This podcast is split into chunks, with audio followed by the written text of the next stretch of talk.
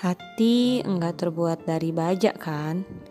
Ketika masalah datang, kita udah berusaha ini itu, tapi seolah upaya kita nggak ada artinya. Jalan buntu. Kata orang, berdoa, belajar bersyukur ya, pasrah berserah, percaya. Pasti ada jalan keluar.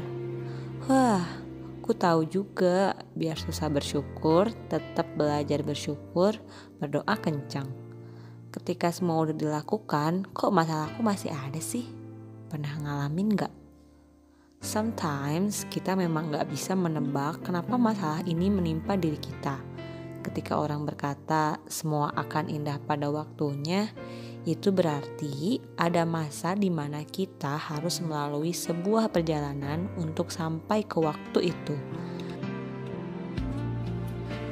Ketekunan dan pengharapanlah yang akan memampukan kita untuk bisa melewati proses demi prosesnya. Terkadang, kesalahan terbesar yang tidak bisa dilihat seseorang adalah ia telah menyerah tanpa mengetahui bahwa selangkah lagi ia sampai ke waktu itu. Stay positif, tetaplah berjalan maju, bukan mundur.